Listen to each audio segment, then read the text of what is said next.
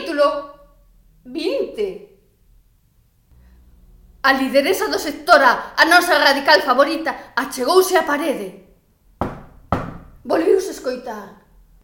Hotspot, a nosa vixianta da praia favorita, ia detrás, medio tirando dela para que non se achegase demais, ou quen sabe, para agarrala en caso de que a parede tratase de absorbela. De novo, a veces veo coordinadores. Sou como un eco. O Yeti, que seguía xogando a dar voltas na cadeira, incorporouse e decidiu achegarse onde estaban as nosas heroínas, por ver se lles facía falta algo máis que nada, non porque tivese medo nin nada parecido. De novo na parede. A lideresa do sector A estaba máis decidida ca nunca a rematar con aquel misterio dunha vez, a saber que urxencia era que a movía xa me entendedes. Petou na parede,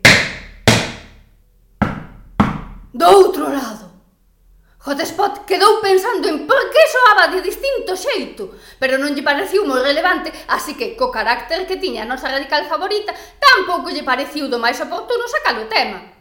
A lideresa do sector A dirixiuse ao Yeti, díxolle que a ver se facía algo xa que baixara con elas. O Yeti comprendiu na de seguido e comezou a dar golpes na parede.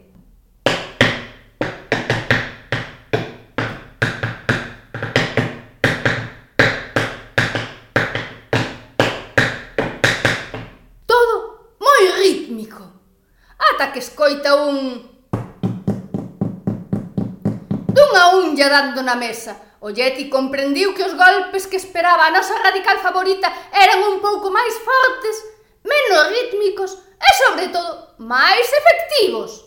E púxose mans á obra, porque para el os desexos da lideresa do sector A eran ordes. Para calquera outra persoa, as ordes da lideresa do sector A eran ordes. Con dous golpes certeiros, cousa que sorprendiu bastante a Hotspot, que xa comezaba a pensar que o Yeti era un luni a pilas que lle trouxeran os reis a lideresa do sector A, botou abaixo a parede. Despois de que a nube de pó se esvaecese, víase ao fondo un montón de xente.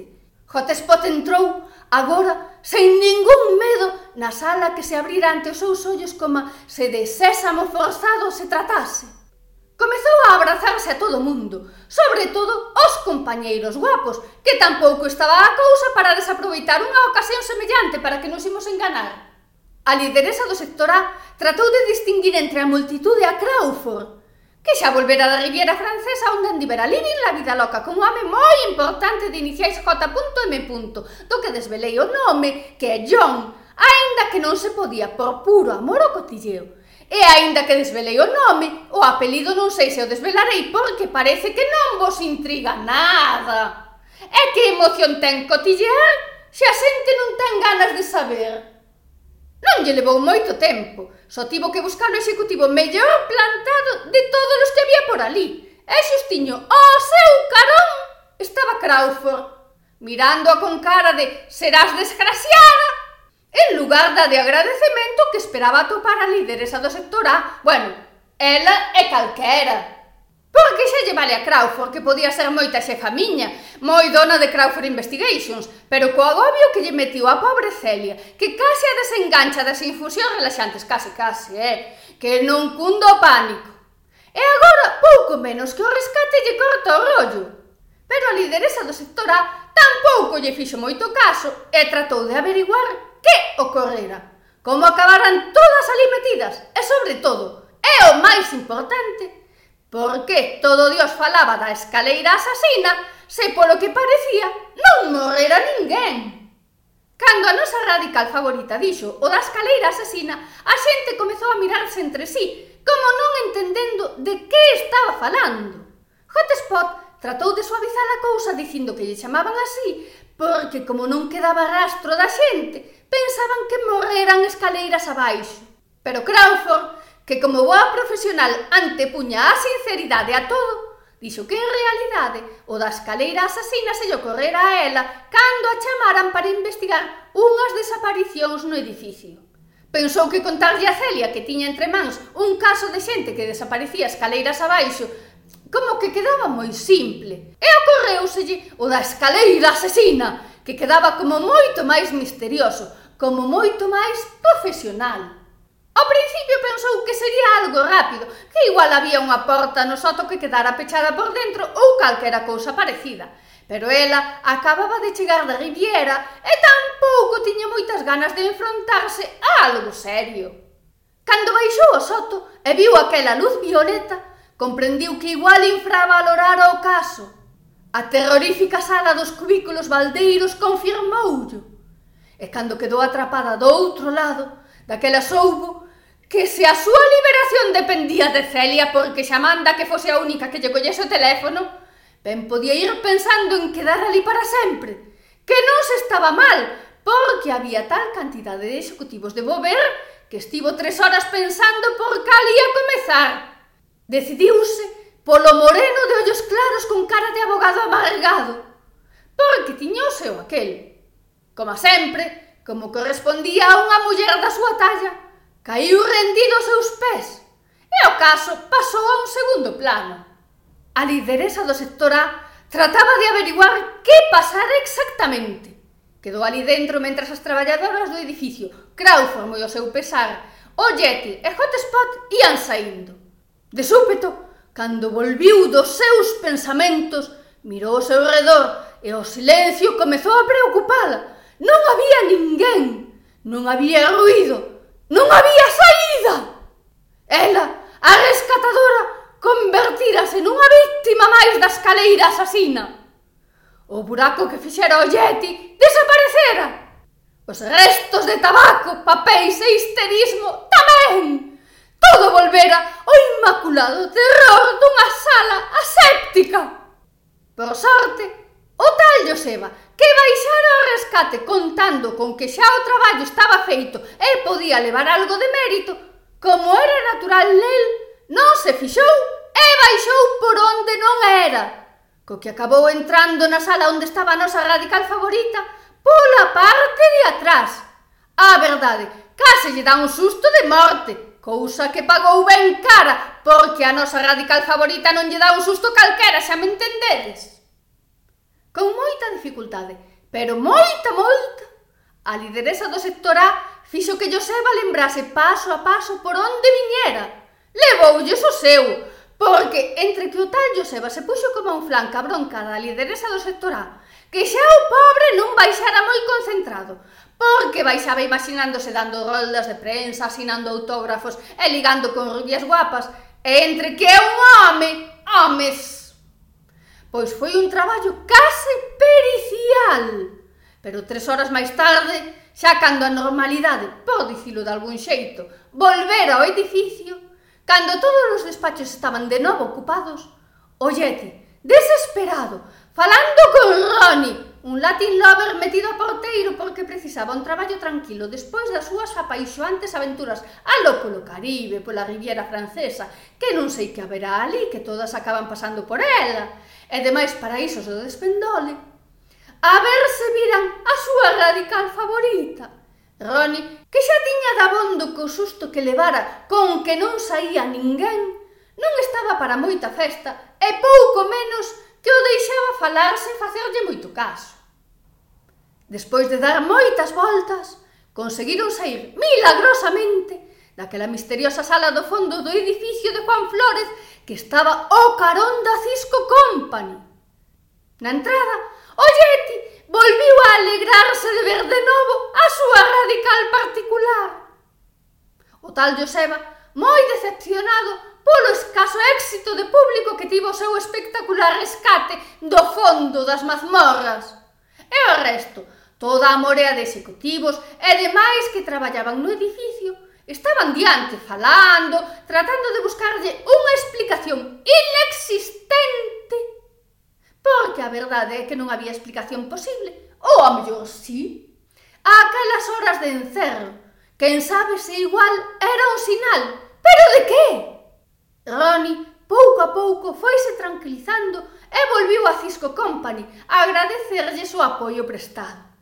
Mentres, no interior da Cisco Company estaba o malvado doutor de CPIP percorrendo corredores en busca de Cor, a supercientífica despistada, invisible en busca do malvado doutor de CPIP, e o detective supersecreto do CSI con peinado tipo comic manga e máis eu en busca de invisible do malvadísimo doutor de Cepeipe ou do que pillásemos. Como se do destino se tratase, Coincidimos nun mesmo punto espacial e temporal ás cinco. Non se admiten comentarios que leven H o ler este cinco. Advirto. Por un segundo, ninguén dixo nada. Todas quedamos mirándonos. A primeira en falar foi Cor, ca súa natural dozura, dándonos os bons días e dicíndonos que se alegraba de vernos. Case interrompéndoa, o malvado doutor TCPIP díxolle que a quería, que estaba moi enamorado dela e que daría a súa vida por ela. Invisible, que fora ali poñerlle as pilas o malvadísimo doutor TCPIP, non soubo que dicir, porque en realidade aquelas palabras impetuosas e desordeadas pareceronlle sinceras, tan sinceras que volviu recobrar a fe no seu noutrora amigo. O detective supersegredo do CSI estaba articulando a súa primeira protesta, pero foi interrompida por un desafortunado codazo no estómago que, todo hai que dicilo, lle propinei con moito gusto. Porque a min o da investigación da herdanza e a aclaración de todos os misterios que rodeaban o malvadísimo doutor de CPIP parecíame moi ben, pero interromper aquel momento tan romántico debería ser pecado mortal. Aínda que non o matei, co borrollo que tiñamos, tampouco era plan de matalo.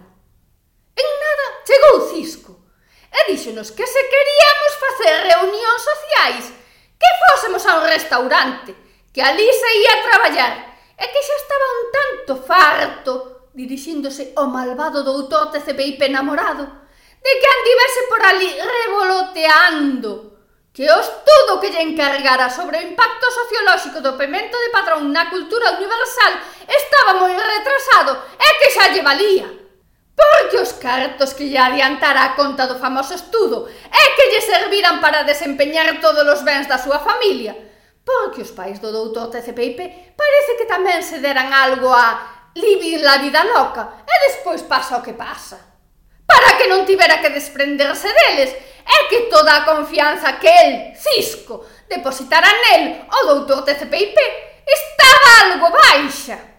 Que se puxese a traballar a rematar a informe xa e que se deixara de flirteo xuvenís que xa non estaba en idade. O doutor TCPIP púxose colorado, aínda que vos pareza mentira. Cor que aínda non se recobrara da emoción das impetuosas palabras de TCPIP, tamén invisible, estaba tan conmovida polo amor que flotaba no aire que esqueciu o do secuestro do despistado doutor Zixel 650. O fin e o cabo, o secuestrado fora outro, e tampouco fora tanto tempo. O detective supersegredo do CSI, bueno, a este era pouco matalo, Pero de verdade que sí, porque tanta investigación e tanto resolver o misterio que envolvía o malvado doutor de CPIP e non sabía o do contrato, non sabía o dos bens empeñados. Eu decateime de que xa non facía falta ali, así que fun marchando. Na entrada estaba Roni, falando e falando. Despois vin a multitude, e entre ela a lideresa do sector A. Comezamos a falar, o típico, Canto tempo? Si, hai moito. Nada, eu polas Vegas, si, eu por Brasil. Se a escaleira asasina, se o malvado doutor TCPIP, se Windows Quispe por onde anda, pois non sei vou chamala. Chama, chama. Windows contoulle que estaba na casa, pero que lle apetecía sair e ver a timofónica. Si, si, o dono do garito aquel, que unha pode ser moi fina, pero era un garito e punto. Miss Comtret A investigadora da nobreza especializada en roubos de guante branco porque eran os que máis cartos lle daban, aparte de que se podía pegar unha vida de cine de hotel en hotel a lo pola Riviera Francesa e tal, que acabou asociándose con a DSLPPP o noso contacto en Beijing. Co seu hábil interrogatorio, sacoulle a Sasser a comercial supereficiente da empresa de aluguer de coches de luxo que ten Spistrin todo o que sabía, e deixouna seguir cos seus líos amorosos entre convertible, o chofer pirata e o revolucionario con pinta de intelectual e gafas. Díxolle a Mr. Jojovic, o executivo agresivo super fashion victim total, que tiñan que petar na porta. Por fin, tras varios intentos, Spistrin abriulles. Mirounos abrindo aínda os ollos porque a esas horas da noite adoitase dormir Salvo, claro, a xente que non ten outra cousa que facer, que xa se podían empastillar e tirarse na cama, pero... Preguntoulles, cando se dou desfeito das legañas, que querían? Miss Contret contoulle das sospeitas de Sasser da súa desaparición. Spistrin non pareceu sorprendido dos histerismos de Sasser, aínda que nunca pensou que chegara a contratar detectives, pero bueno. Díxolles que non desaparecera por nada malo, que se estaba organizando un evento moi importante e que o tiña que levar con moito segredo. Pero Mr. Jojovic non se conformou con iso e ameazou no conseguir ali plantado toda a noite e era vos ben capaz que o tío con eso de insomnio poñíase dun persistente se non lle contaba de que se trataba. Miss Contret tratou de suavizar a ameaza, pero pouco, porque ela tamén quería saber Spistrin, dado que o día seguinte tiña que traballar e a cousa era importante, contoulles que se trataba da festa vampira anual, que era un acontecemento social de la hostia, perdón, moi importante, pero moi exclusivo segredo. Miss Contret case se sentiu ofendida. Díxolle que moitas xeracións de Contrets asistiran a eventos moi exclusivos é que aquel non ia ser menos, e que se non lles conseguía invitación, que lles deixaba a Mr. Jojovic ali plantado toda a noite. Era ben capaz. Spistrin, ao final, por non aguantalos, doulles as invitacións. As dúas superfashion investigadoras correron ao hotel de Miss Contret descansar para estar divinas o día seguinte na festa. De fondo, ai que sencilla, ai que sencilla. A lideresa do sector A dixolle a Windows Quispe que chamase a Poppy, que ela chamaría a mariposa, a nosa happy flower favorita, e a estilosa señorita New Look e a Anao para repetir o das Vegas. Windows contoulle que Poppy ia estar moi ocupada esa noite na festa vampira. A lideresa do sector A, ao escoitar da festa, xa se autoconvidou. Dixo a Windows que se fora poñendo guapa que a recollían nada. Por moito que Windows tratou de dicirlle que era exclusivísima e só para vampiras, a lideresa do sector A non lle escoitou. Windows, no fondo, sabía que se a nosa radical favorita se poñía en entrar na festa, entraba, así que se foi poñendo espectacular. A nosa radical favorita buscou entre a multitude o Yeti, que estaba na outra punta. Díxolle, a verros, por suposto, que xa estaban marchando para a casa a arreglarse que pola noite había festa. E dixo, a vernos por suposto, o sitio é a hora. Eu, que me sentín incluída na invitación, tamén marchei a poñerme máis espectacular se cabe. Pola noite, na entrada do exclusivísimo clube vampiro, montouse unha espectacular Porque Hotspot invitará a todas as do seu edificio e a antivirus que chegara esa tarde a Albedro. A lideresa do sector A, a máis de Windows, o Yeti e a min, avisou a mariposa que por fin deixara de discutir con Dinámico, o dono de Bollicaos Line, e que, por suposto, levou a festa. Claro que, como cando recibiu a chamada da invitación estaban presentes Rox, Un greñudo de vida disipada a amigo de Pelusa, outro que tal baila que últimamente tiña moita amizade con Celia, xa me entendedes, pola afición mutua e infusión relaxantes. Pelusa, outro que tal baila, Xaila, a de mantemento do aeroporto superdivina e a Nao, a nosa executiva agresiva favorita, pois tamén os convidou que onde comen dous, comen tres como quen di. Miss Comtret convidou, por suposto, A de que chegara esa noite a Albedro e que estaba todo tirado no hotel, e xa de paso a FR que viña de chofer porque o seu era conducir. E a Geldés, que aterrara á mesma hora e se aloxaba no mesmo hotel. Eu convidei o detective supersegredo do CSI porque había moi borrollo e igual caía algo que como estaban diante o doutor TCPIP, cor invisible e cisco, Pois alos se nos apuntaron tamén. Todo isto a máis dos implicados. Poppy, Siga, 660, Catwoman e, por suposto, o investigador, que era tan bo que todos dicían que era la polla, pero eu son demasiado fina para repetir semellante cousa. Que convidou a súa vez a Celia, o recepcionista e a Crawford, aínda que Crawford xa se apuntara á invitación de Hotspot. Na entrada case non nos deixan entrar, pero como empregamos o método Jojovic, eu daqui non me movo. E case parecía unha manifestación, das de atento non, pero bueno, pois acabaron deixándonos entrar. O sitio era espectacular. E tan pronto como comecei a ver a tanto vampiro, tan de negro, tan interesantes, con esa mirada misteriosa, Mandei a paseo o detective super segredo do CSI co peinado tipo comic manga e adiqueime toda a noite o coñecemento da cultura vampira. Non puiden seguir moi de preto como pasou aquela noite cada unha das nosas heroínas e o resto dos bandas estes.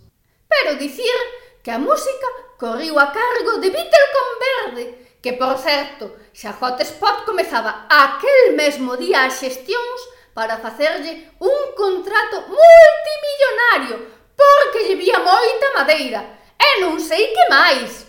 Eu non digo que non fose bo, pero para min que Hotspot estaba algo alegre aquelas horas. O grupo de baile viña da Academia de Timofónica, que cando volviu ver a Windows confesoulle que se alegrara moito de vela cando lle fora preguntar por aquel teléfono e que lamentaba que non o chamara máis a miúdo. Windows díxolle que el tullido non parecía e que tamén a podía chamar. E así, tan románticamente, retomaron aquela relación suspendida había un tempo. A lideresa do sector A e o Yeti, o seu Xa me entendedes. Outro tanto mariposa e dinámico. Outro tanto cor e TCPIP. Outro tanto FR, unha vampira morena que había por ali.